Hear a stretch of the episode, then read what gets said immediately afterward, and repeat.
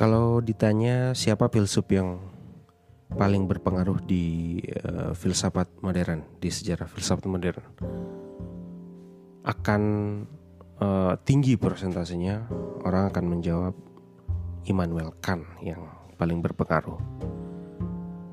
Karena mau tidak mau sampai sekarang filsuf-filsuf uh, kontemporer masih uh, tidak bisa secara total ya meskipun mereka tidak suka Kantian tapi pengaruhnya juga masih pengaruh Kantianism itu tetap uh, tidak bisa mereka kesampingkan meskipun mereka mengkritisinya. Karena perkembangan filsafat uh, bisa kita ukur dari sejauh mana uh, dinamika problematika filsafat itu sendiri. Bagaimana problem-problem itu berkembang uh, baik yang problem yang bersifat uh, turunan dari akar filsafat terdahulu atau seperti orang-orang sekarang yang banyak yang mengkaji filsuf-filsuf terdahulu atau tradisi-tradisi filsafat terdahulu ataupun problem uh, kefilsafatan yang hadir atau yang lahir dari aktualitas Eh, kejadian-kejadian dalam kehidupan manusia yang kemudian menimbulkan pertanyaan dan pertanyaan itu uh, sering kali berupa pertanyaan filosofis. Oke, di episode ini uh, kita akan membahas Immanuel Kant. Tentu saja sangat memerlukan bacaan lebih lanjut terkait dengan bagaimana pemikiran Kant tentang epistemologi, pemikiran Kant tentang metafisika maupun moral. Artinya eh, episode di podcast audisi yang akan membahas Immanuel Kant akan uh, berusaha merangkum belantara pemikiran Immanuel Kant yang kemudian uh, relevan dengan perkembangan diskursus kefilsafatan sampai hari ini. Ada yang menarik ya dari uh, tradisi Kantian. Begitu percaya dirinya para penganut Kantianisme bahwa Immanuel Kant adalah filsuf yang paling berpengaruh di dalam sejarah filsafat modern kita ambil contoh satu pernyataan dari seorang filsuf yang juga merupakan uh, filsuf berhaluan Kantian yaitu Karl Jaspers uh, dia pernah bilang bahwa seseorang yang belajar filsafat tentu tidak bisa mengesampingkan uh, pemahaman tentang persoalan pokok filsafat.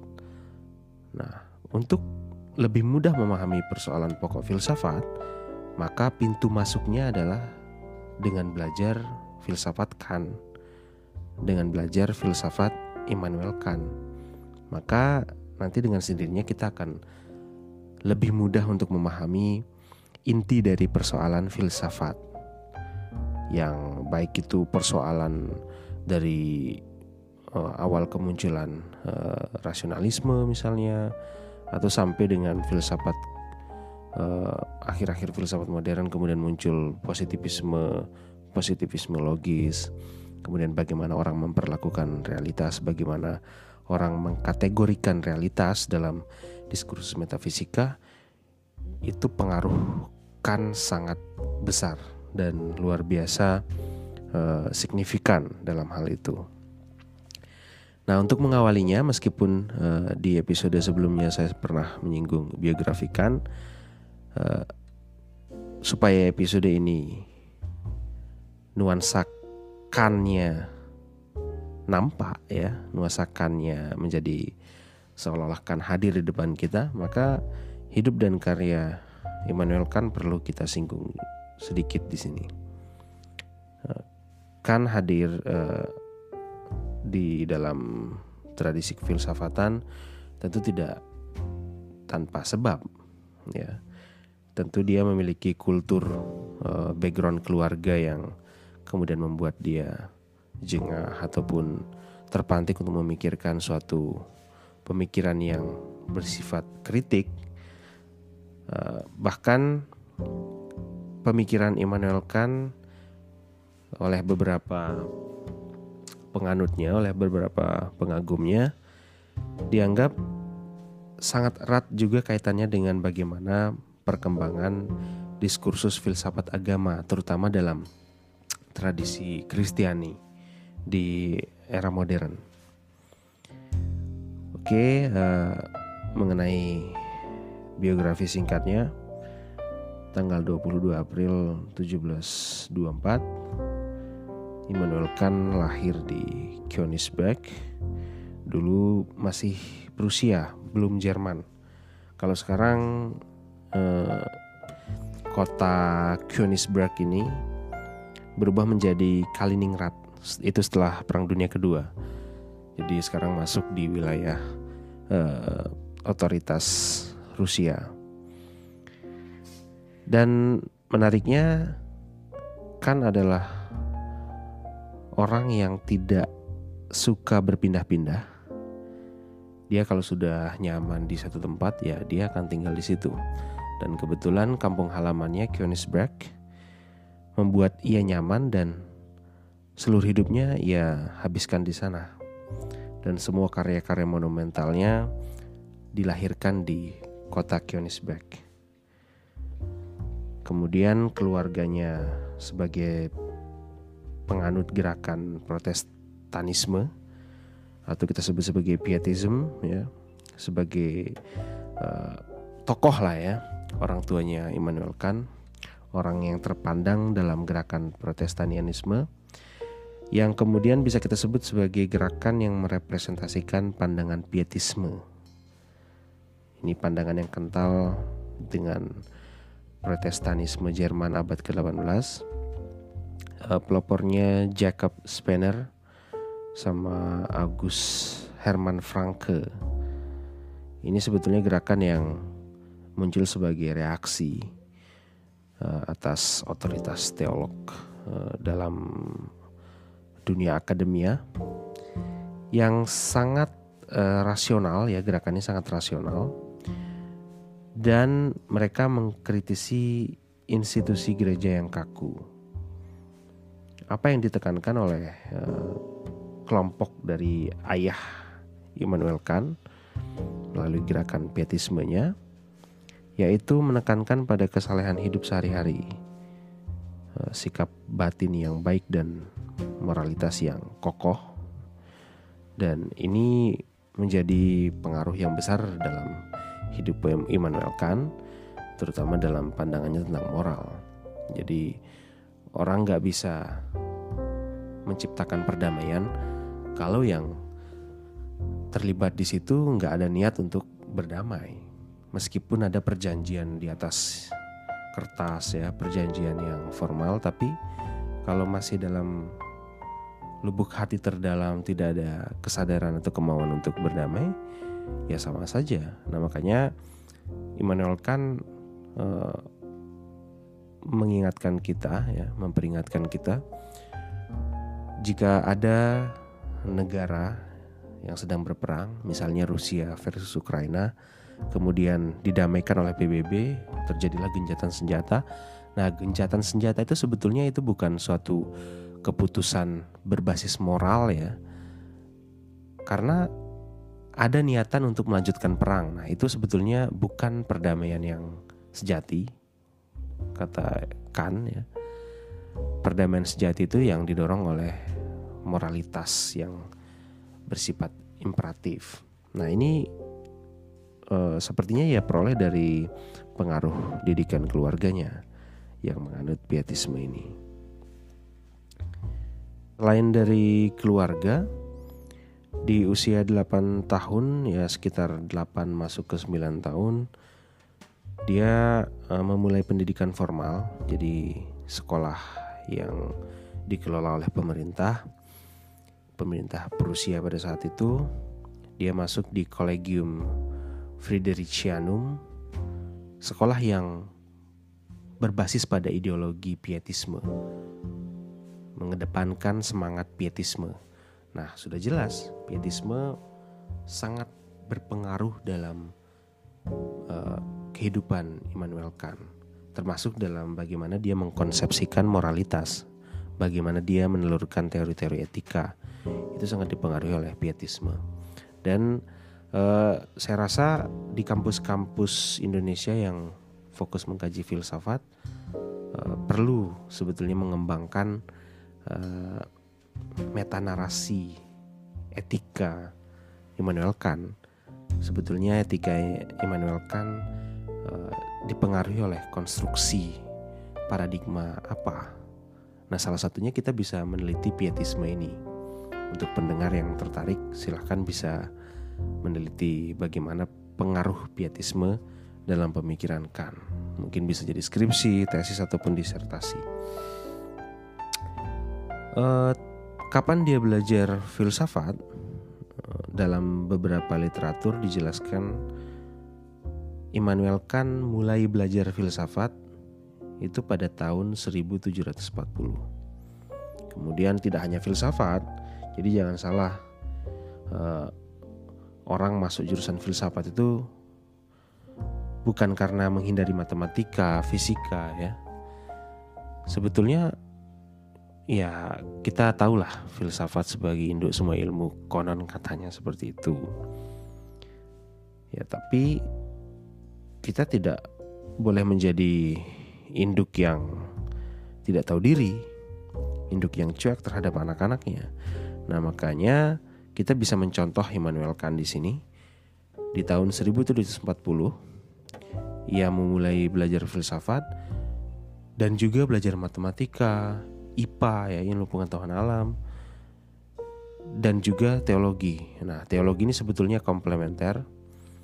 Uh, kenapa saya sebut komplement? Karena dia kepo aja, kepo sama tradisi Kristiani yang kemudian uh, banyak uh, dipraktikkan di Jerman, terutama yang berhaluan Lutheran ya, kaum Protestan yang hadir sebagai antitesa Katolik Roma. Nah, dia punya rasa keingintahuan yang besar terhadap teologi. Nah, sehingga dia belajar filsafat, matematika, ilmu pengetahuan alam, ya fisika di situ ada, mungkin juga biologi ataupun e, geologi mungkin ditambah dengan teologi. Nah, ini yang membuat pemikiran Immanuel Kant menjadi sangat-sangat luas dan uh, sangat komprehensif karena dia uh, berangkat dari keingintahuan akan berbagai macam problem keilmuan sehingga nanti bisa kita lihat uh, kritikan-kritikannya terhadap rasionalisme, empirisisme itu sebetulnya merupakan sintesis dari keingintahuannya terhadap lintas keilmuan beserta problem-problemnya itu tentang karirnya di dunia akademik, kan pernah menjadi dosen tanpa tanda jasa. Nah, maksudnya tanpa tanda jasa ini dia nggak dapat gaji. Jadi kalau di zaman itu disebut sebagai privat dosen, dosen privat mungkin ya, tanpa gaji. Jadi sukarela dia mengajar di kampus di kotanya ya, di Universitas Königsberg apa yang diajar uh, di saat itu kan mengajar metafisika, geografi, pedagogi, fisika, matematika, filsafat, teologi, mineralogi, dan ilmu falak atau ilmu falak ini kalau sekarang apa ya? Mungkin geografi lah, ilmu bumi, kebumian. Nah, ini luar biasa. Udah tidak digaji, sukarelawan, ngajarnya banyak sekali SKS-nya kalau dikonversi uh, di model perkuliahan zaman sekarang. Ini kan sudah sangat unik mengajar metafisika, geografi, fisika di mana abstrak ketemu sama yang konkret. Uh, ilmu pasti sama ilmu yang spekulatif. Jadi Immanuel Kant hidup dengan benar-benar menerapkan lintas disiplin keilmuan itu bisa kita contoh sampai sekarang. Kemudian di tahun 1770 Kant memperoleh gelar profesor di bidang logika dan metafisika dengan disertasi uh, kalau dalam bahasa Latin judulnya De Mundi Sensibilis ad Cu Intelligibilis Forma et Principis. Uh, ini artinya kalau dalam bahasa Indonesia tentang bentuk dan asas atas dari dunia indrawi dan dunia akal budi. Jadi dia ingin uh, merapikan ya perdebatan yang seolah seperti benang kusut di dalam filsafat modern antara empiris dengan uh, filsuf-filsuf berhaluan empiris dengan filsuf-filsuf berhaluan rasionalis itu perdebatan yang tak kunjung usai. Nah, Immanuel Kant berusaha untuk mengetengahi perdebatan itu tentang bagaimana sumber pengetahuan dan lain sebagainya. Dia ingin menawarkan jalan tengah. Eh, kita kembali ke kehidupan Kant sebagai volunteer, sebagai private dosen. Eh, ini kita sebut sebagai era masa prakritis ya. Di masa ini kan masih dipengaruhi oleh pandangan rasionalisme Leibniz dan Wolff. Jadi dia bukan seorang rasionalis yang kaleng-kaleng. Bisa kita satu panel kan lah dengan Descartes kalau di diskusi panel itu. Jadi kan juga mumpuni dari segi tradisi rasionalis dia orang yang sangat paham dengan rasionalisme itu. Dan ini kita sebut sebagai masa prakritis. Dia belum terlalu banyak amunisi untuk mengkritisi rasionalisme. Kemudian eh, karena mendapatkan pengaruh filsafat Hume, kan menyebut dirinya bangun dari tidur dogmatik. Jadi dia sudah mulai melihat bagaimana empirisisme itu dan memulai filsafat yang oleh uh, para penganutnya disebut sebagai kritisisme. Nah, awal mula dari era kritis ini kalau tadi ketika dia dipengaruhi oleh masih dipengaruhi oleh rasionalisme terutama Leibniz dan Wolff sekarang ketika masuk ke era kritisisme kita bisa mengambil tonggak sejarahnya dari terbitnya buku kritik der Reinen Vernunft atau kritik atas uh, budi ya. Ini sebetulnya terjemahan atau uh, interpretasi dari Romo Simon ya dari Sekolah Tinggi Filsafat Triarkara karena Vernunft ini ada yang mengartikannya akal budi, ada mengartikannya pemikiran, jadi sangat multi interpretasi.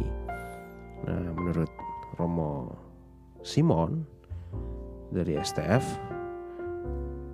Vernunf itu lebih dekat kalau kita terjemahkan sebagai budi. Itu diterbit pada tahun 1781 ya, kritik der Reinen Vernunf ini.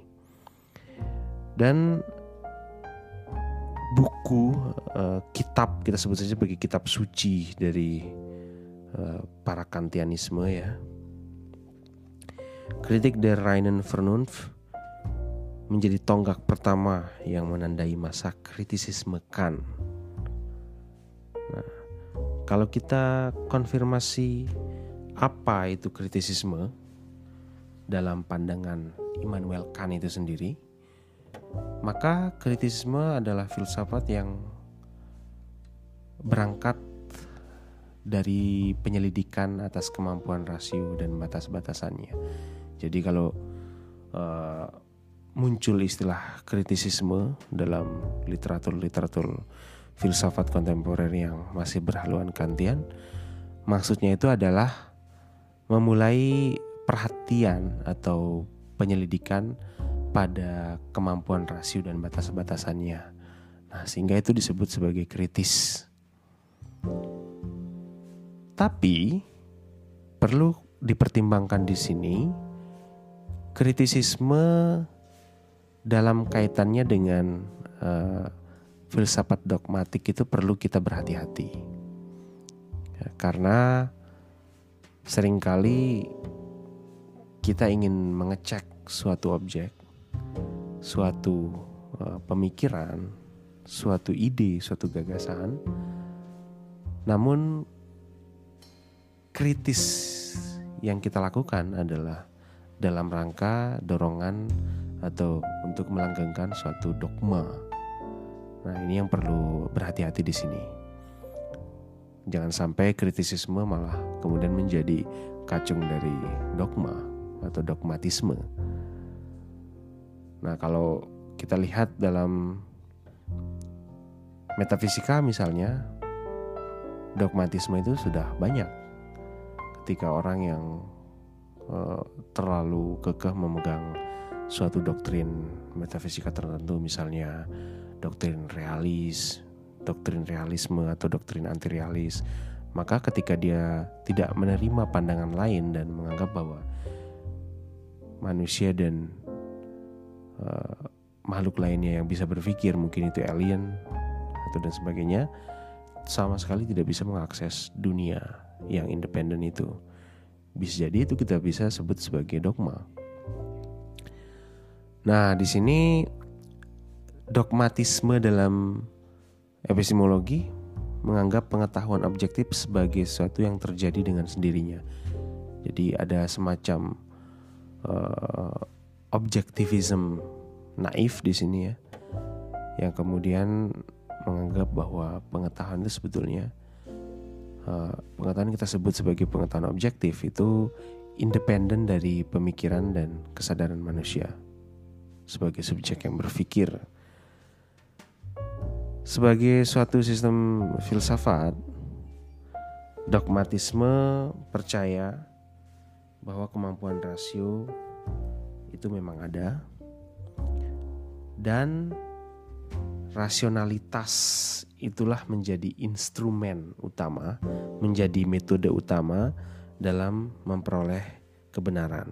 Dan eh, dogmatisme ini menjamur di dalam para rasionalis, di mana ketentuan-ketentuan a priori menjadi penentu bagi kebenaran suatu pengetahuan. Jadi pengetahuan itu bergantung pada rasio yang kemudian pengetahuan itu bersifat a priori. Misalnya, ketika kita berbicara tentang dogmatisme agama, maka pengetahuan a priori tentang Tuhan itu mendahului pengalaman kita atau pencarian kita atas Tuhan melalui deskripsi, melalui kehidupan, melalui pengalaman spiritual, melalui pengalaman beragama. Jadi sudah ada pengetahuan itu gitu. Yang kemudian disebut sebagai pengetahuan a priori.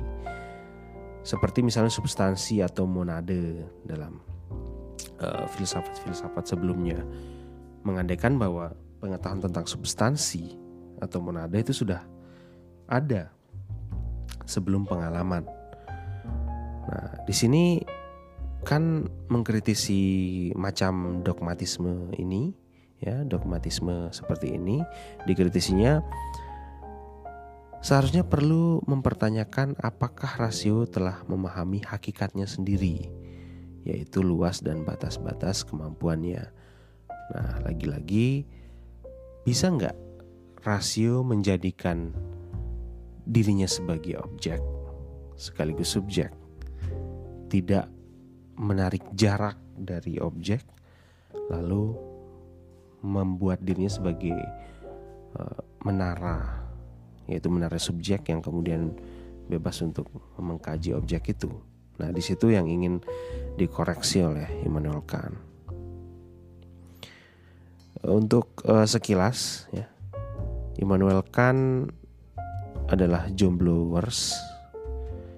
Dia sampai meninggal tidak pernah menikah, tapi mungkin jatuh cinta pernah cuman dia nggak pernah menikah apa yang dilakukannya tiap hari itu sangat-sangat tertib dan monoton. Jadi pendengar di sini yang ingin menjadi the next Kantian, sorry the next Immanuel Kant gitu ya. Lakukan kiat-kiat itu menjomblo, hidup tertib dan monoton. Jadi setiap hari itu acara kegiatannya sama. Jadi punya set list hari ini dan hari besok dan hari kemarin tuh harus berulang-ulang kegiatannya. Misalnya baca buku di pagi hari, minum kopi jam sekian. Jadi benar-benar sistematis. Nah, jadi eh, banyak periwayatan ya dalam eh, banyak literatur yang menceritakan bahwa dalam kesehariannya Immanuel Kant itu sangat-sangat teratur. Dan penduduk Königsberg mengenal Immanuel Kant karena keteraturan itu ya. Jadi kalau semisal kita hidup di zaman Immanuel Kant hidup berkunjung ke kotanya dan ingin mencari Immanuel Kant maka tanya aja warga sana e, jam segini aku bisa menemui Kant di mana? Nah orang akan tahu jam sekian dia ada di taman, ada di perpustakaan, jadi sudah hafal orang-orang di situ. Ya. Uh, meskipun monoton, kalau kita terapkan hidup yang monoton di zaman sekarang, mungkin orang akan menjadi aneh, menjadi tidak produktif ya. Tidak ada inspirasi-inspirasi gemilang yang datang karena setiap hal yang bersifat rutinitas itu pasti membosankan. Dan kalau sudah membosankan tentu untuk menjadi produktif terutama dalam pemikiran itu sangatlah sulit saya rasa ya. Kalau sudah monoton hidup gitu. Nah makanya eh, mungkin sangat jarang ada filsuf yang lahir dari kegiatan-kegiatan yang sangat monoton kecuali Immanuel Kant. Nah kalau kita kaitkan uh, Immanuel Kant dengan situasi kondisi politik di zaman dia hidup, di zaman dia menjadi pemikir yang produktif, maka jangan salah, kan juga concern dengan kondisi perpolitikan dunia. Jadi saat bincang-bincang makan malam misalnya dengan teman-temannya, ya mereka kemudian uh, bersenda bercerita, sharing-sharing tentang kondisi perpolitikan di negara-negara sebelah. Misalnya perkembangan di Amerika ya yang sangat disukainya. Kan sangat suka dengan perkembangan yang ada di Amerika. Meskipun dia nggak pernah ke sana pada akhirnya ya. Tapi dia sangat suka bagaimana orang Eropa, orang kulit putih Eropa yang uh, seharusnya hidup di sekitaran-sekitaran Jerman, Perancis dan lain sebagainya, eh, Belanda dan sebagainya. Namun berhasil membuat peradaban yang sangat besar di benua yang bisa dibilang sangat jauh dan berita-berita yang datang dari situ membuat dia sangat terkagum-kagum dan penasaran dengan kondisi perpolitikan di sana terutama revolusi Prancis juga Immanuel Kant uh, tertarik dengan isu-isu itu. Dan banyak ia peroleh dari sharing-sharing bersama temannya ketika makan malam.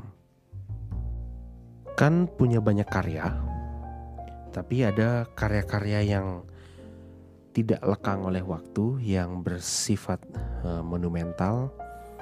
Antara lain Grundlegung zur Metaphysik der Sitten atau disingkat GMS yang kalau dalam bahasa Indonesia-nya pendasaran metafisika kesusilaan. Ini terbit tahun 1785. Ini menjadi basis ketika Immanuel Kant berbicara tentang etika. Kemudian kritik der praktischen Vernunft atau disingkat eh, KPV ini saya kutip dari tulisan Romo Simon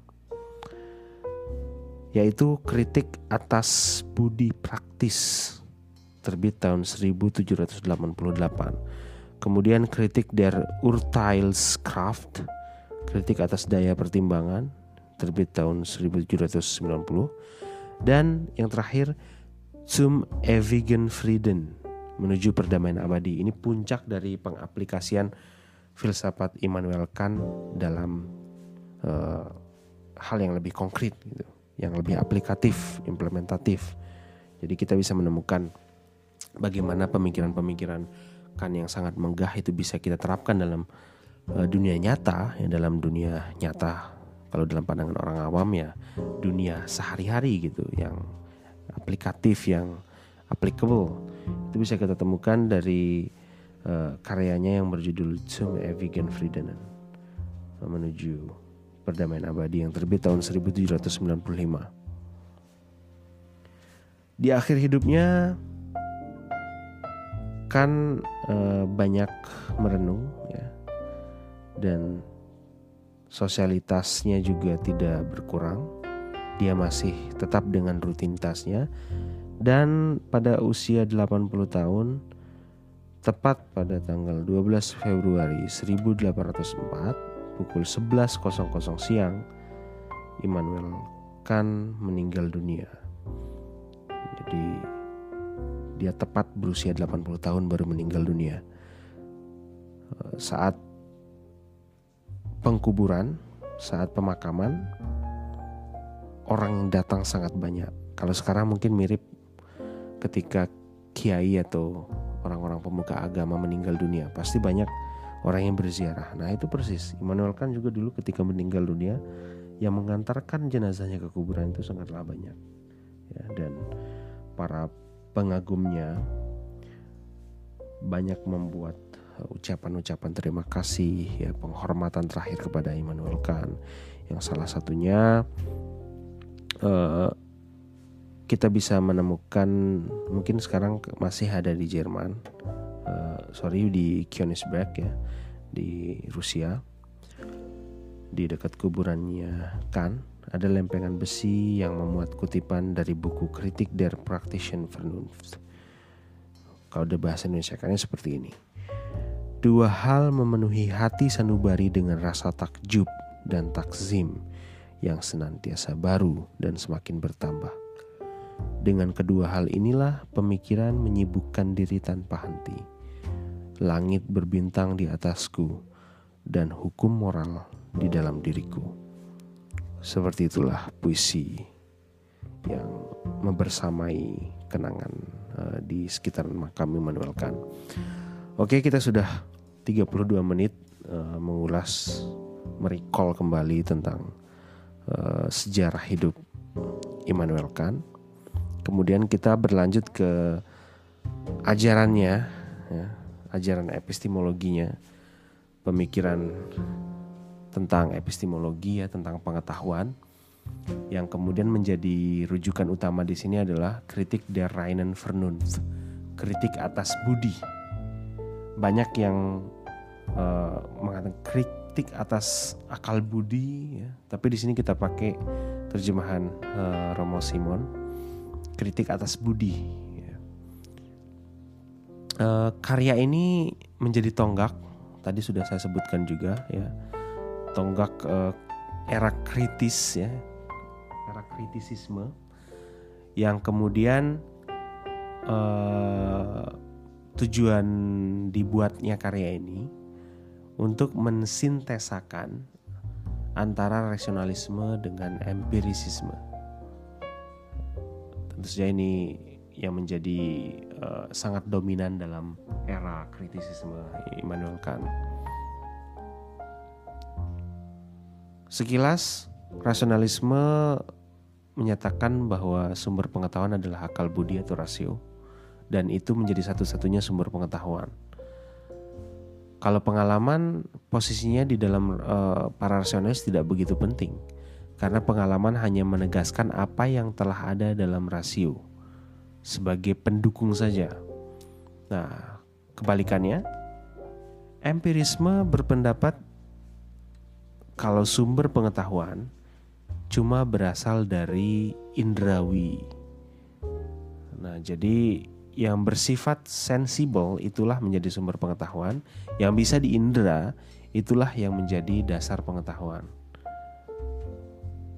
kalau kita lihat dalam tradisi empirisis, Hume menjadi salah satu representasi yang uh, cukup adekuat untuk kita hadirkan di sini.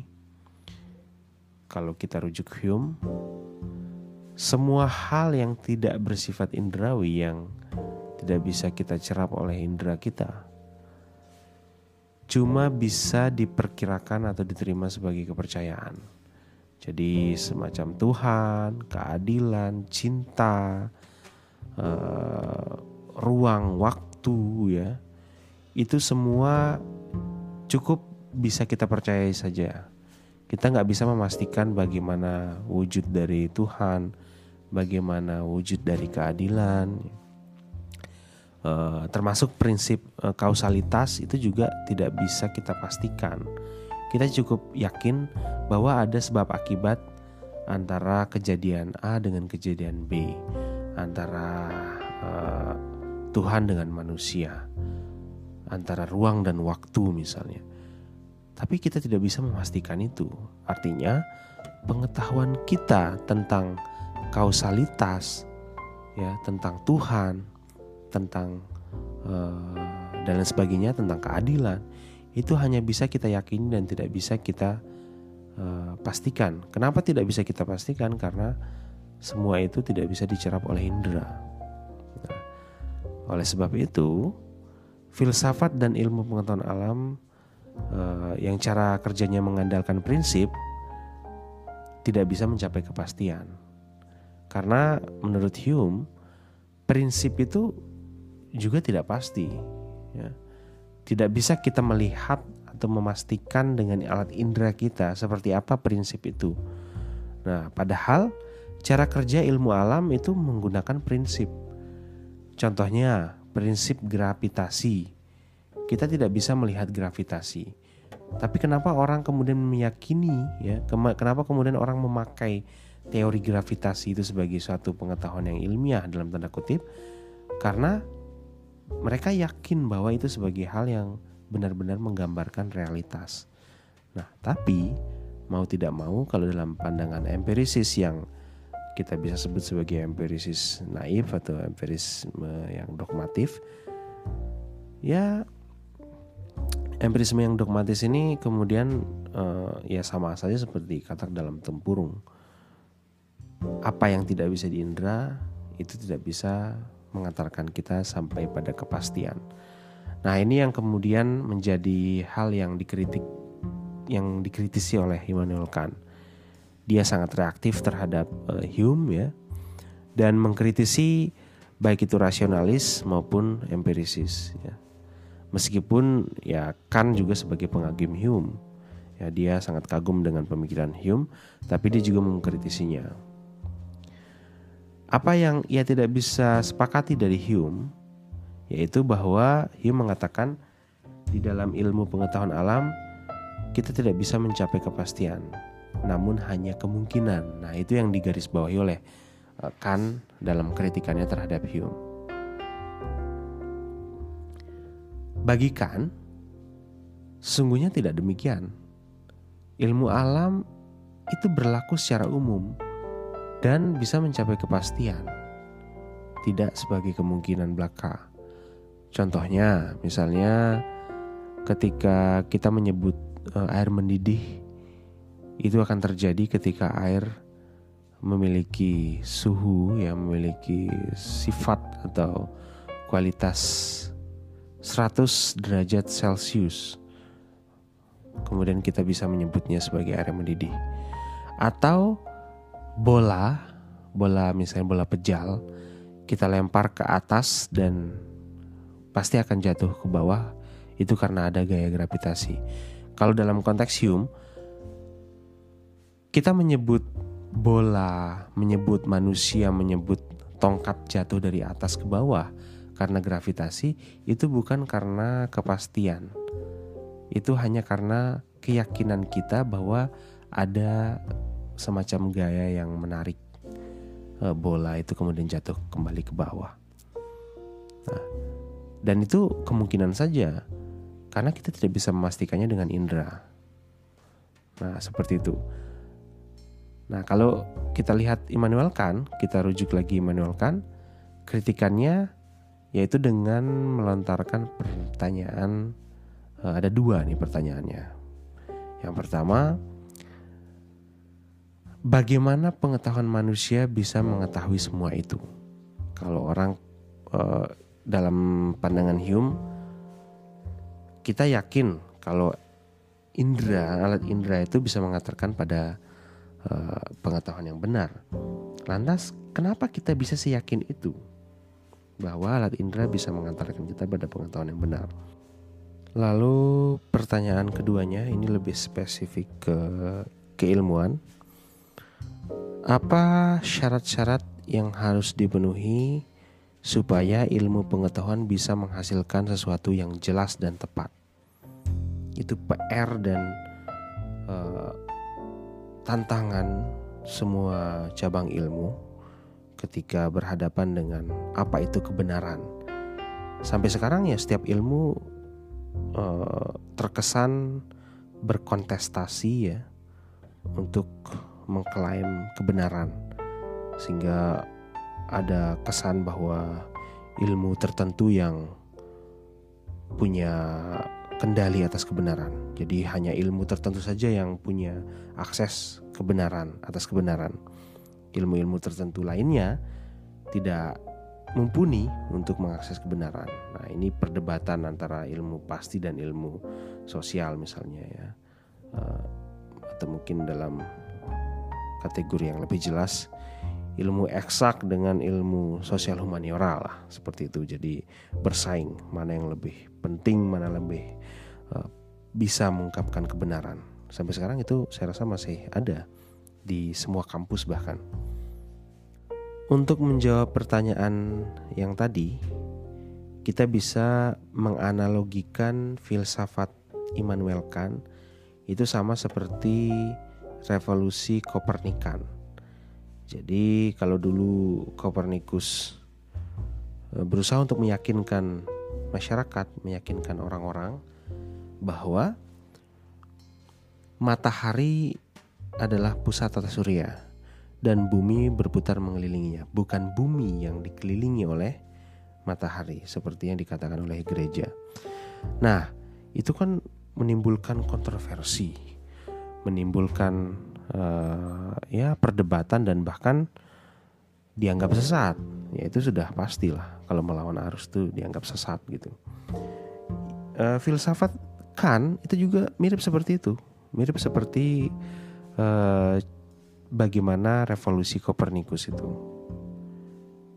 jadi uh, kemiripannya bisa kita lihat dari cara Kant uh, memberikan pemahaman yang lebih segar, memberikan pemahaman baru tentang relasi subjek dengan objek.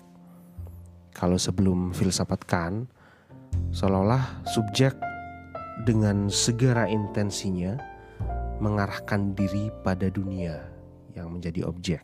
Ya. Tapi sejak muncul pemikiran Kant, arah yang tadi itu diubah olehnya ya kan mengubahnya sekarang objek mengarahkan diri kepada subjek untuk diproses menjadi pengetahuan eh, kita bisa menyimpulkan ya di sini filsafat kan tidak diawali dengan penyelidikan atas benda-benda sebagai objek itu yang penting perlu kita garis bawahi di sini. Bila perlu distabilkan.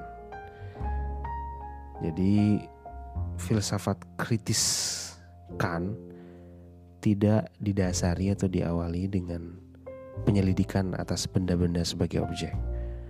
Akan tetapi, filsafat kritis kan adalah filsafat yang tidak lain dan tidak bukan adalah penyelidikan atas struktur-struktur subjek yang memungkinkannya untuk mengetahui benda-benda sebagai objek, bukan e, diarahkan oleh suatu tuntutan objektivitas ya, objektivitas naif, melainkan ada dialog antara keduanya.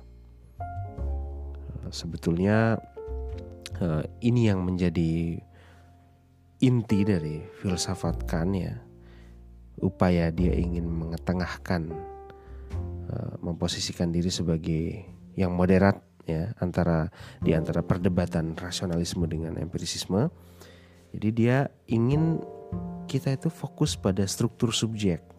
Ya, bagaimana subjek ini bisa memahami atau mengetahui uh, hal-hal uh, yang ada di luar dirinya. Seperti misalnya ini relate dengan pertanyaan bagaimanakah pengetahuan terjadi ya apa struktur subjek yang memungkinkan terjadinya pengetahuan? Kemudian eh, apakah pernyataan rasionalisme bahwa hanya akal budi saja yang uh, bisa disebut sebagai sumber pengetahuan sejati itu benar ataukah salah ya? Kemudian di mana letak kesalahan empirisme? Dan pertanyaan-pertanyaan lain yang membingungkan kita uh, di dalam perdebatan rasionalisme dengan empirisme Nah, kan ingin kita stay cool saja. Cara menjawabnya seperti ini ya.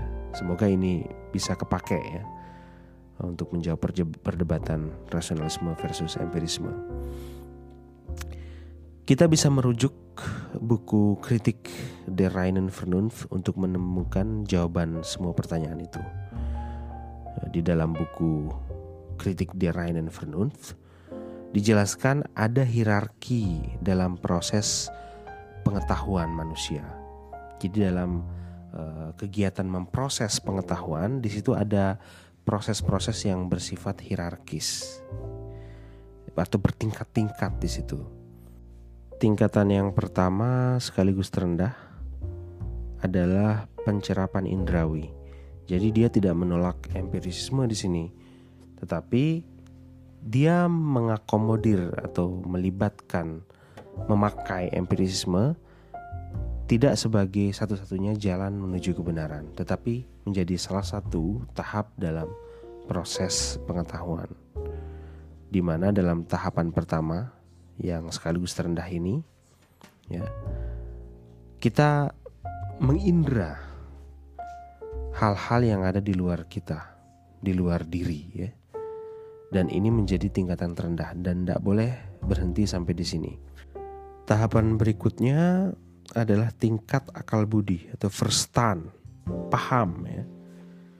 Verstand ini juga kalau dalam bahasa Jerman ya uh, tipis sekali pemaknaannya dengan verstehen, memahami, verstand. Nah kalau orang Jerman itu biasa kalau di kelas uh, verstanden Sie apa kalian paham itu dia pakai verstand di sini ya.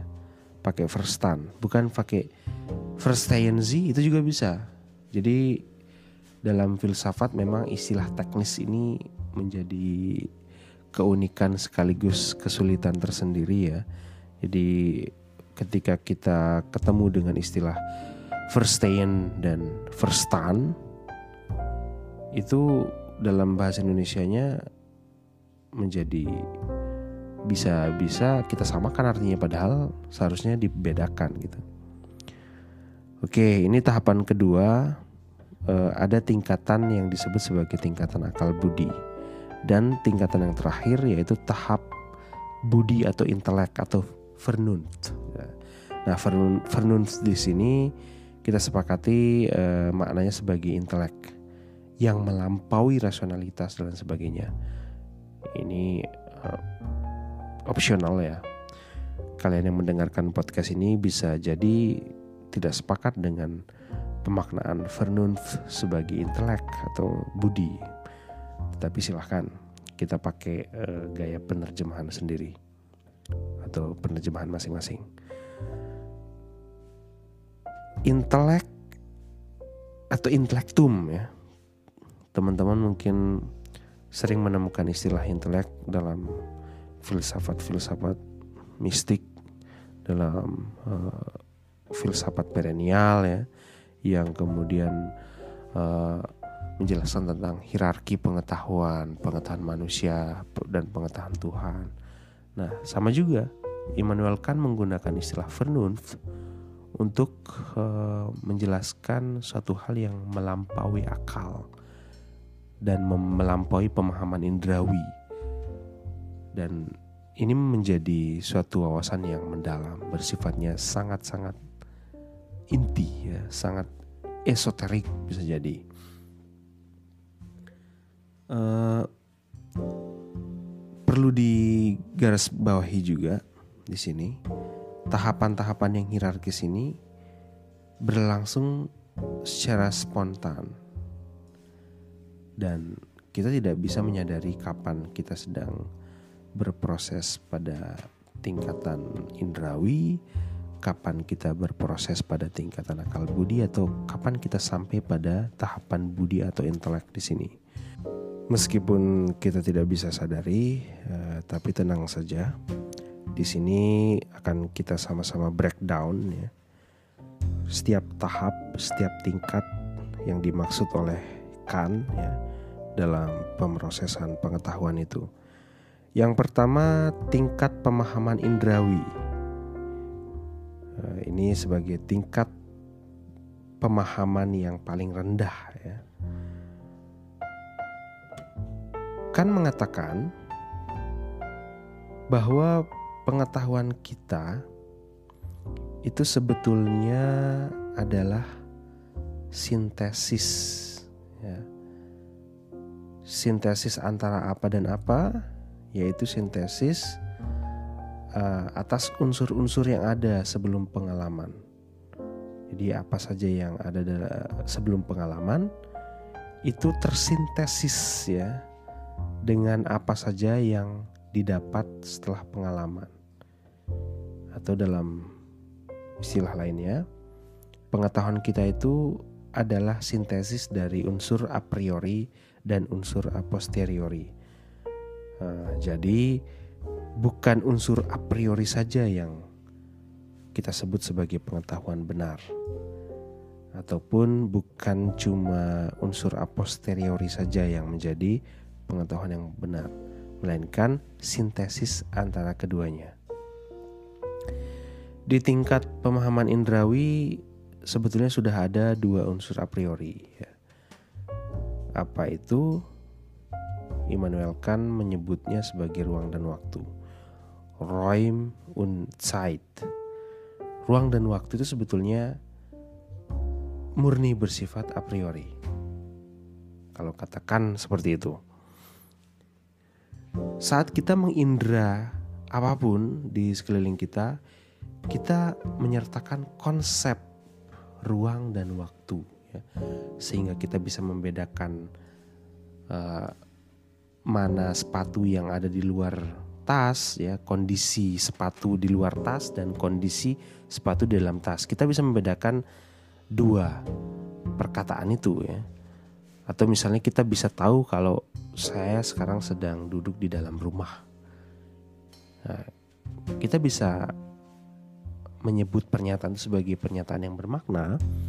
Kita bisa memahami pernyataan itu karena kita sudah punya konsep tentang ruang dan waktu kita bisa uh, memahami tentang istilah tua, muda ya. Istilah misalnya lama, sebentar ya. Dan perubahan-perubahan lainnya itu karena kita punya konsep tentang waktu di situ. Nah, di mana ruang dan waktu ini itu bersifat a priori dan itu sudah ada menyertai uh, pemahaman indrawi kita. Tapi pengertian kan tentang ruang dan waktu beda ya dengan pengertian ruang dan waktu dalam konteks fisika Newtonian misalnya. Uh, kalau kita tengok Newton, dia menempatkan ruang dan waktu di luar manusia. Ya, jadi sebagai objek yang bisa dikaji ruang dan waktu. Ya. Eh, beda dengan Newton, kan memposisikan ruang dan waktu itu sebagai dua hal yang inherent di dalam struktur subjek. Eh, kenapa dikatakan inherent?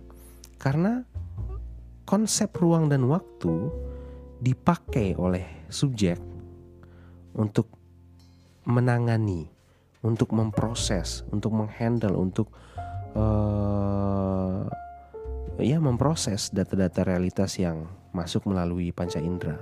Jadi ketika dia melihat uh, ada benda di luar dirinya, maka dia akan mengkaitkannya dengan oh ini besar, ini luas, ini persegi, ini persegi panjang, ini bundar, ini bulat. Itu karena dia bisa membatasinya dengan kategori yang ada dalam uh, kepalanya ya. Dan dia bisa mengatakan bahwa ini sebagai hal yang luas, ini sempit karena dia sudah punya konsep tentang ruang di situ. Nah, itu bersifat a priori. Nah, tegasnya lagi, ruang dan waktu itu bukan bagian dari realitas empiris. Jadi, ketika kita mengatakan sawah itu luas, ya, keluasan dari sawah itu bukan menjadi bagian dari apa yang kita lihat. Kita tidak tidak melihat keluasan dari sawah itu. Jadi, sawah dan keluasannya itu dua hal yang terpisah ya, bukan satu kesatuan. Konsep kita tentang luasnya sawah ya, atau tingginya seorang Joni hanya membantu kita untuk mengkategorikan realitas. Kita bisa membedakan realitas A dengan realitas B ya. Kita bisa membedakan antara yang kita sebut sebagai kategori luas dengan kategori yang tidak luas misalnya. Nah hal-hal semacam itu yang kemudian eh, sangat menarik dari eh, filsafat Immanuel Kant ya. Sehingga di tahapan yang pertama, di tahapan pemahaman indrawi itu yang a priori itu sudah ada. Nah, sehingga tidak bisa kita mengatakan bahwa hanya kerja indrawi saja yang menjadi uh, mekanisme pengetahuan yang benar. Padahal ketika kita mengindra sesuatu hal yang di luar kita, kita melibatkan hal yang bersifat a priori di situ. Uh, makanya uh, kaitannya dengan konsepsi tentang keluasan, tentang perubahan waktu ya Ruang dan waktu bagikan adalah hal yang terpisah ya dari realitas empiris. Ya. Ruang dan waktu tidak lain merupakan perlengkapan mental atau instrumen rohania ketika kita menggarap data-data indrawi yang kita peroleh dari melihat, mendengar, dan lain sebagainya. Nah, pada tahapan pemahaman indrawi ini sebetulnya belum bisa disebut sebagai pengetahuan. Tapi kalau disebut sebagai pengalaman, iya sudah bisa disebut sebagai pengalaman karena ya subjek mengalami objek, mengalami bagaimana dia mengindra itu sudah masuk dalam bagian pengalaman, tapi belum bisa kita sebut sebagai pengetahuan. Ngomong-ngomong soal pernyataan tadi ya, eh, bedanya ruang dan waktu dalam konsep Newton dengan Kant ya. Secara implisit ada realitas yang berdiri sendiri ya. Jadi ada realitas yang kemudian itu sama sekali tidak terjamah yang kemudian semua orang tahu kalau menyebutkan yaitu das Ding ansih itu. Realitas yang independen dari pengalaman dan pikiran subjek. Ini juga yang kemudian mempengaruhi pandangan realisme metafisik. Adapun yang dimaksud oleh Kant uh, dengan istilah das Ding an sich yaitu sesuatu yang tidak bisa kita amati, kita pahami ya, tidak bisa kita pahami dan tidak bisa kita selidiki. Sedangkan yang bisa diindra, yang nampak itu kita sebut sebagai fenomenon merupakan hasil sintesa atau hasil sintesis antara pengetahuan a priori dengan pengetahuan a posteriori atau antara konsep kita tentang ruang dan waktu ya yang sudah ada dalam diri subjek dengan data-data yang kita peroleh dari penginderaan. Selanjutnya di tingkatan yang kedua yaitu tingkat akal budi atau verstand. Di mana ketika kita meramu data-data indrawi dari uh, penglihatan, pendengaran, dan aktivitas sensorik lainnya, maka bersamaan dengan pemahaman indrawi, akal budi mulai bekerja secara spontan jadi akal budi yang mengolah uh, input yang kita peroleh tadi berupa pencerapan indera yang kemudian uh, diolah sedemikian rupa sehingga kita bisa mengetahui suatu hal dengan dalam tanda kutip pasti. Hal ini bisa terjadi karena ada kategori-kategori, ya, kan menyebutnya sebagai kategori yaitu konsep primordial, konsep fundamental, atau eh, konsep-konsep a priori yang membantu kita di dalam menyusun ilmu pengetahuan, di dalam merangkai, di dalam uh, menyusun puzzle-puzzle realitas yang kita peroleh dari penginderaan, nah, sehingga kita bisa tahu uh, meja berbeda dengan kursi, kemudian Eh, pagi dan petang itu memiliki pemaknaannya sendiri-sendiri dan pagi dan petang adalah dua kondisi yang berbeda. Nah, kita bisa sampai pada pengetahuan semacam itu karena kita melibatkan kategori-kategori, yaitu kategori ruang dan waktu. Salah satunya ya. Uh, ada 12 kategori ya yang terdapat dalam akal budi. Jadi kalau kita bicara tentang kan ada 12 kategori yang selalu dibahas oleh dosen-dosen ketika mengajarkan tentang Immanuel Kant terutama dalam prinsip-prinsip moralnya.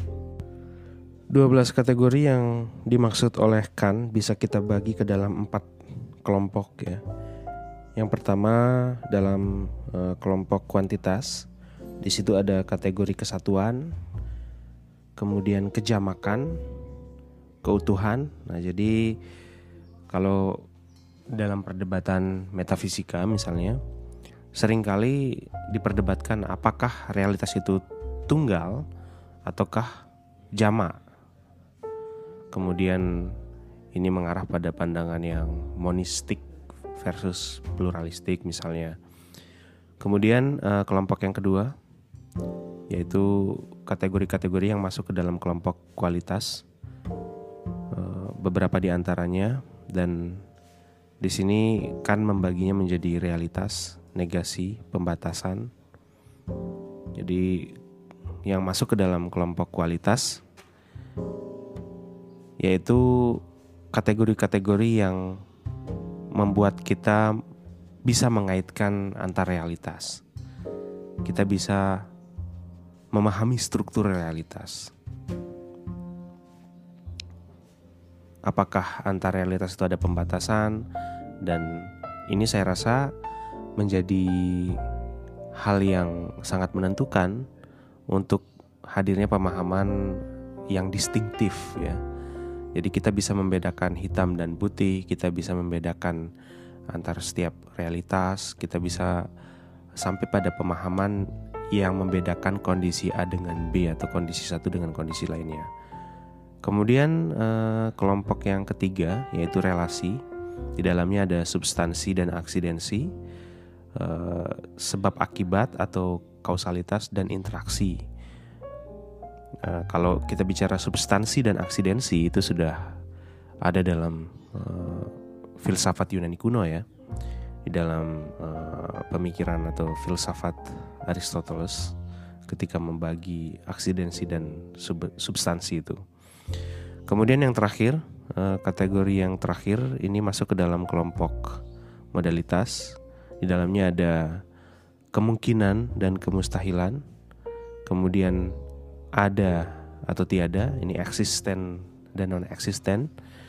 Dan yang terakhir yaitu kategori ke-12 yaitu keniscayaan dan kebetulan.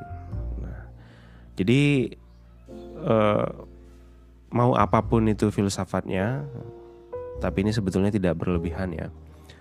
Kita tidak mengklaim diri seperti Hegel bahwa filsafat itu hanya merupakan pengulangan dari filsafat Hegel, tapi memang 12 kategori ini yang mungkin membuat filsafat Immanuel Kant menjadi filsafat yang sangat dan mungkin bisa dibilang paling berpengaruh di dalam filsafat modern bahkan sampai saat ini.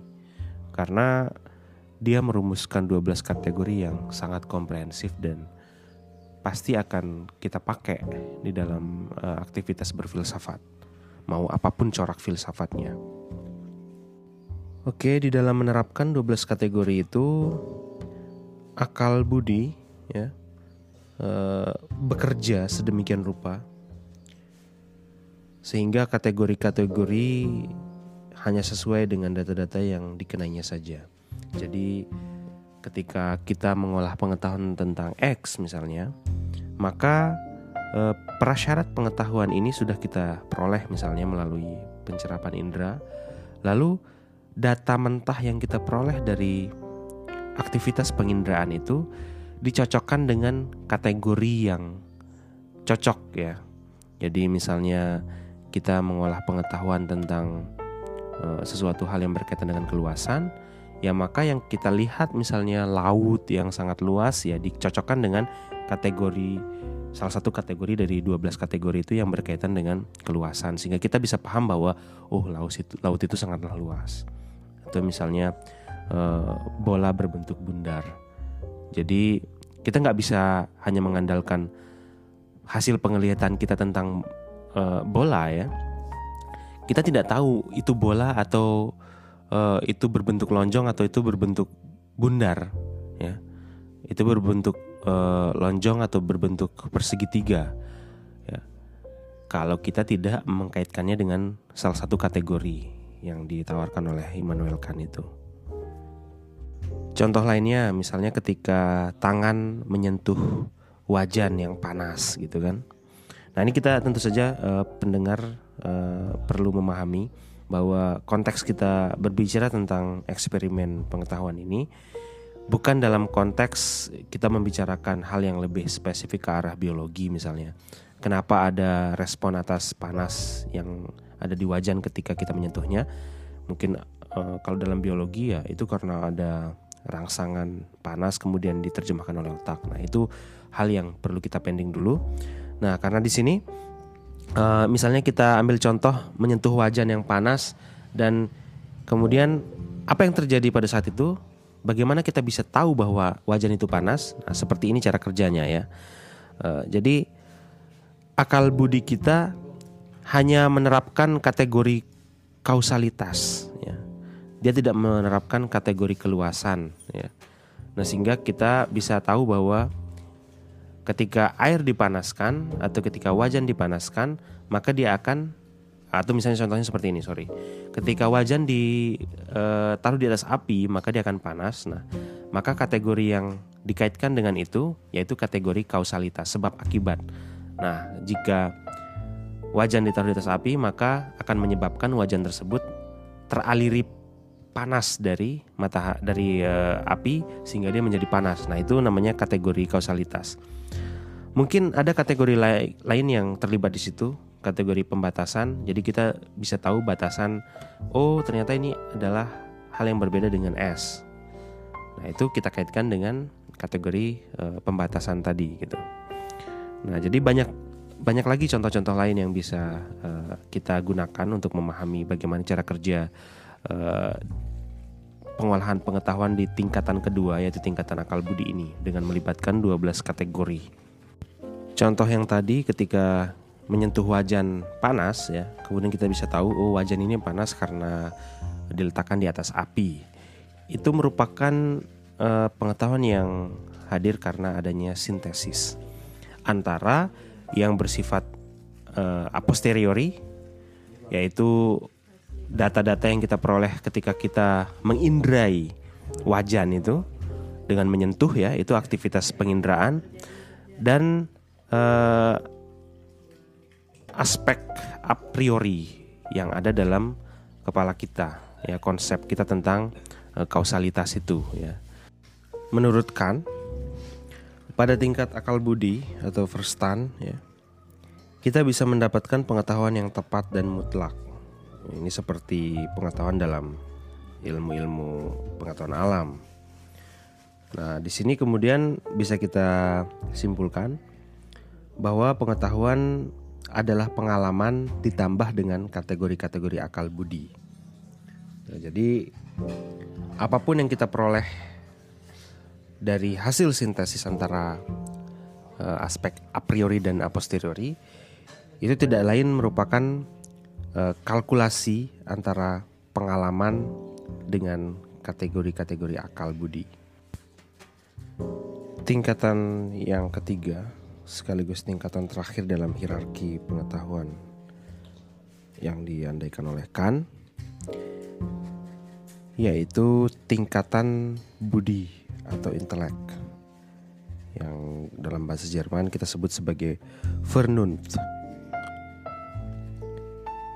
Budi atau intelek ya dalam pemahaman Kant adalah kemampuan manusia eh, dalam hal ini kemampuan pengetahuan manusia yang tertinggi atau daya pengetahuan yang tertinggi. Intelek beda dengan akal budi.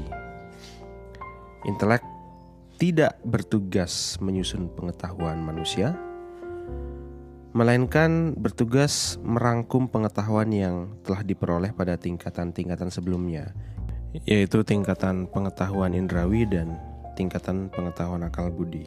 Jadi dirangkum oleh uh, Vernon ini. Di dalam menjalankan tugasnya, intelek dipandu oleh ide jiwa, ide dunia dan ide Tuhan. Nah, di sinilah kemudian letak spiritualitas ya saya rasa dari Immanuel Kant kelihatan bahwa dia adalah seorang filsuf yang religius yang melibatkan uh, personal beliefnya. Ketiga ide itu sama sekali tidak berfungsi sebagai objek pengetahuan. Jadi ketiga ide itu bukan yang dijadikan sebagai objek, melainkan memberikan semacam orientasi atau petunjuk yang memungkinkan intelek untuk menata dan melakukan sistematisasi atas fenomena-fenomena yang ada. Yang pertama misalnya ide jiwa. Ini kaitannya dengan psikologi. Merupakan gagasan mutlak yang mendasari semua gejala batiniah. Kemudian ide dunia, ide kosmologi menyatukan semua gejala lahiriah.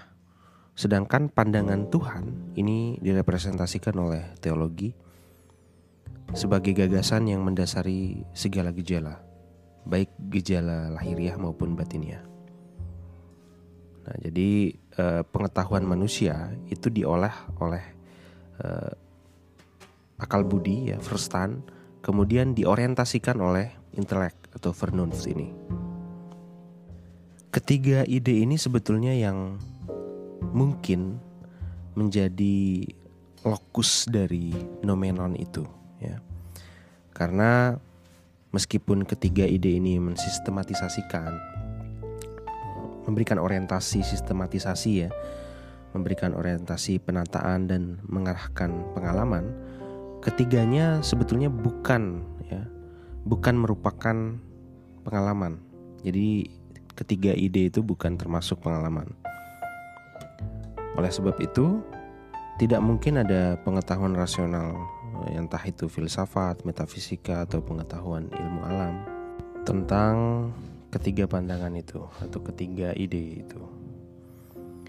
Kita lihat di dalam kritik der Vernunft kan mengambil kesimpulan bahwa metafisika tradisional yang punya klaim besar ya, tentang pengetahuan tentang jiwa, dunia dan Tuhan itu sama sekali mustahil. Oleh sebab itu, dia mengarahkan kritikannya terhadap filsafat skolastik yang kemudian seolah-olah bisa memahami bagaimana cara kerja Tuhan dan menyebut Tuhan sebagai kausa prima atau penyebab pertama dari segala sesuatu. Nah, hal-hal yang berbau skolastik itu ditolak oleh Kant karena mustahil kita bisa memahami Tuhan. Kita tidak bisa memahami ide uh, atau pandangan Tuhan itu sendiri.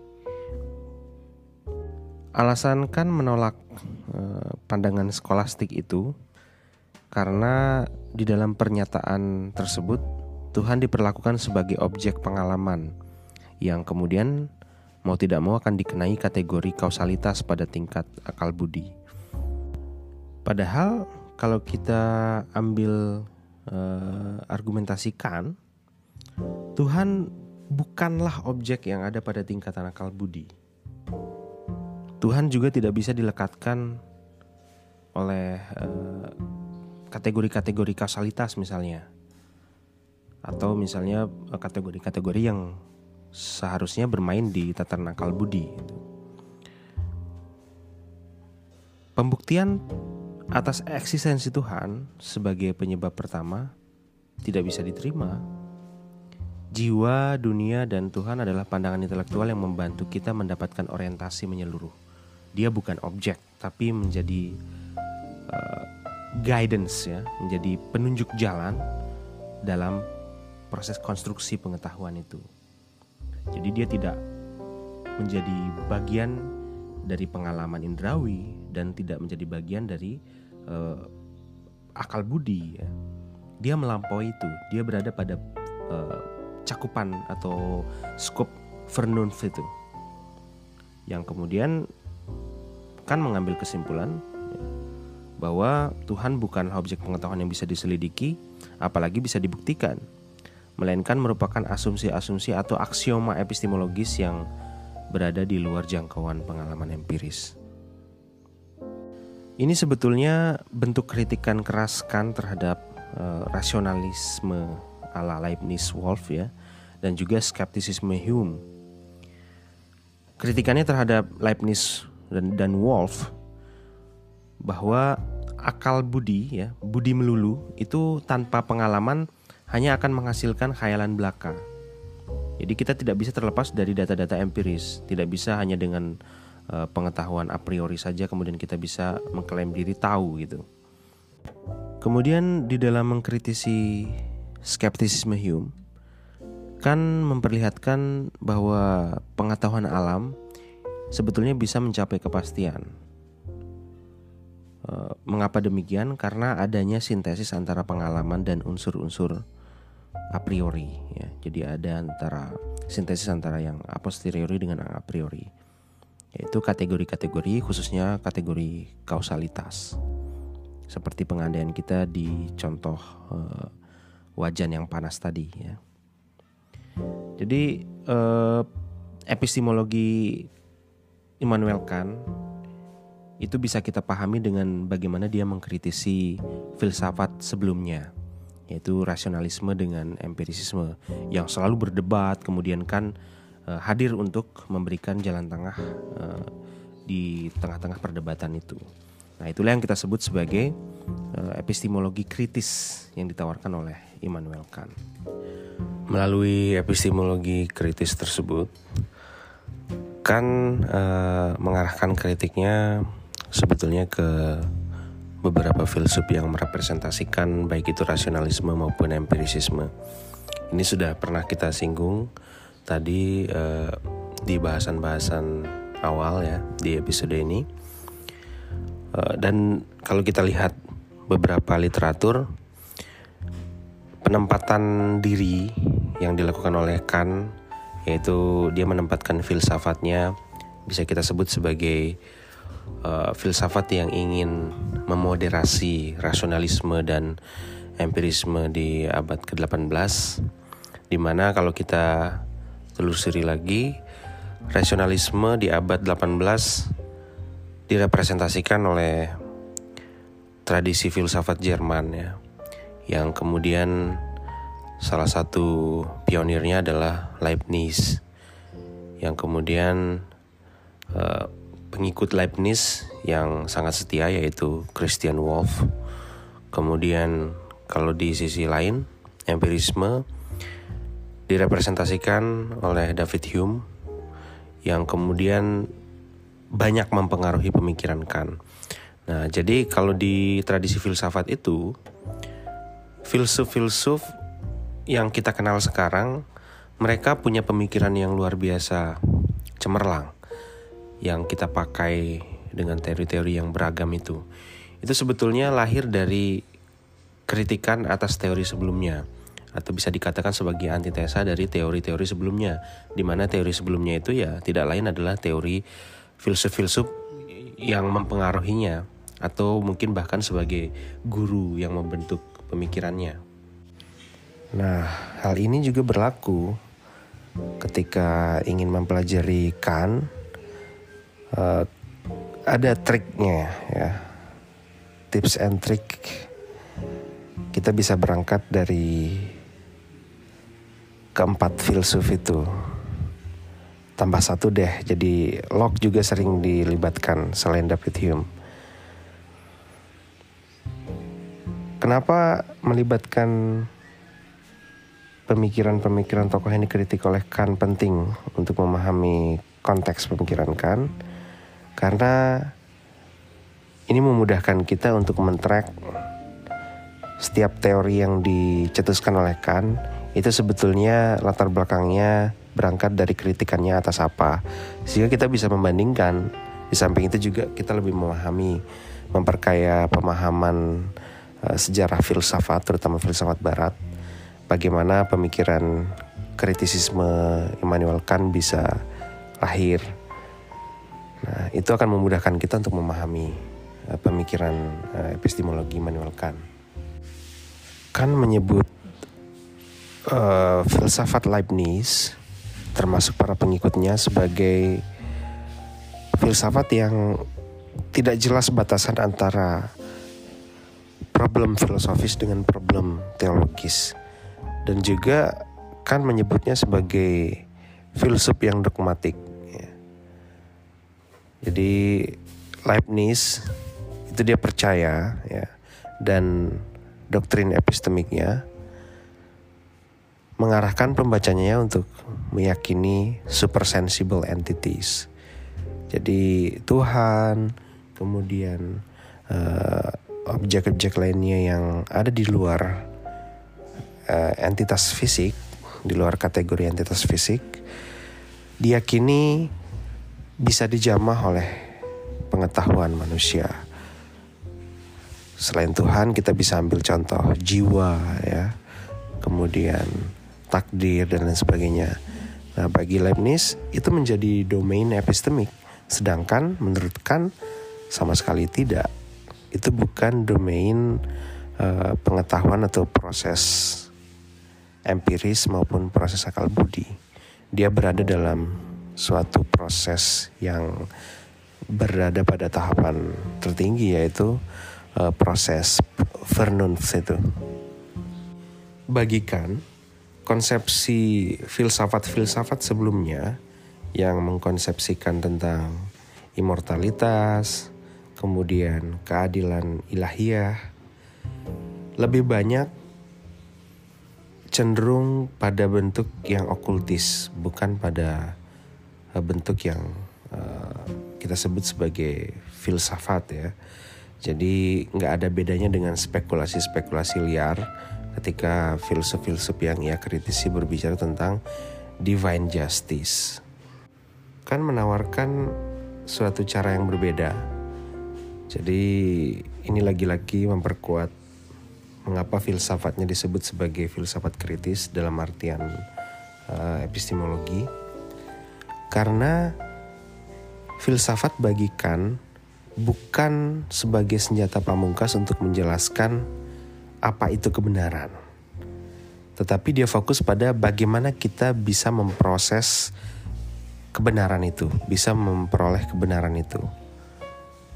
Sehingga dia uh, menjadi filsuf yang sangat penting bagi perkembangan metode-metode berfilsafat dengan uh, tambahan yang ia berikan kepada kita semua yaitu critical philosophy sehingga cikal bakal adanya diskursus metafilosofi juga mengakar pada cara kerja kritisisme Immanuel Kant ini.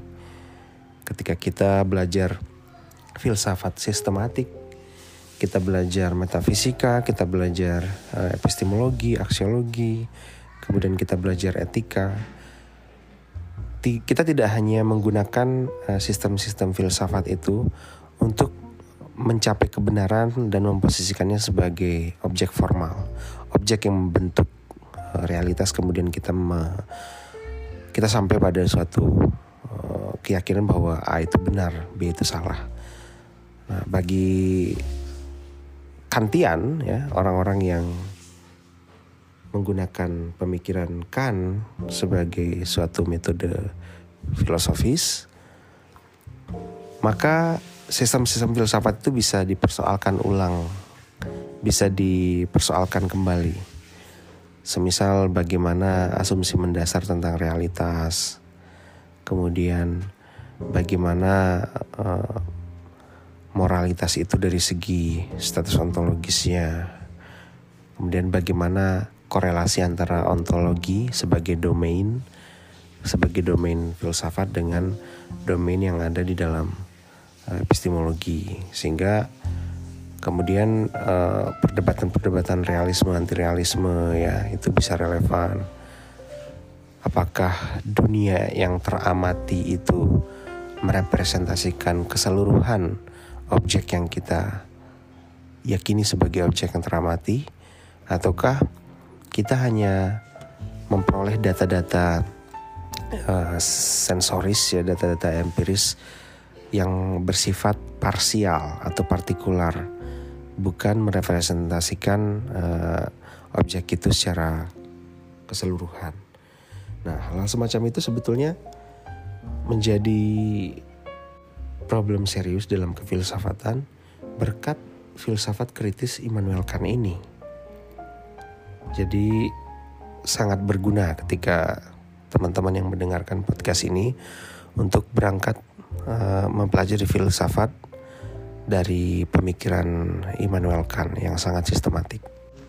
Kembali lagi ke kritikan Kant terhadap filsafat Leibniz. Kant menilai terdapat uh, fundamental error di dalam uh, filsafat Leibniz. Fundamental error ini juga merupakan fallacy yang kalau kita hubungkan dengan Immanuel Kant, fallacy itu terhubung dengan apa yang oleh Kant disebut sebagai concept of reflection. Terdapat empat uh, macam kategori yang ditawarkan oleh Leibniz sebagai tawaran atau kita bisa menyebut bahwa empat kategori ini yang menjadi cara kerja epistemologi rasionalistik Leibniz. Singkatnya, subjek bisa menjamah objek hanya dengan mengkomparasikan konsep-konsep di mana konsep-konsep itu terbagi menjadi empat. Di sini Leibniz membaginya menjadi empat. Yang pertama, identitas dan perbedaan. Yang kedua, agreement dan opposition atau kesamaan dan perbedaan. Kemudian inner dan outer. Ini bisa kita maknai sebagai yang included dan yang excluded atau yang di dalam atau yang di luar. Kita juga bisa mengaitkannya dengan inklusivitas dan eksklusivitas. Dan yang terakhir yaitu materi dan bentuk. Nah, bagikan keempatnya tidak adekuat untuk membangun suatu pengetahuan. Dan juga keempatnya bukan merupakan kategori-kategori dalam suatu proses e, merepresentasikan atau menghadirkan objek ke dalam suatu bentuk pengetahuan. Untuk tahu suatu hal itu berbeda dan identik, kita tidak bisa hanya dengan mengandalkan pengetahuan a priori saja atau dengan hanya mengkomparasikan konsep-konsep yang sudah kita punyai di dalam kepala. Ya, kita perlu mengindrai, kita perlu kita memerlukan pengalaman di situ ya. Nah, yang disebut oleh Immanuel Kant di sini sebagai transcendental reflection itu sebetulnya merupakan respon terhadap fallacy Leibniz ini.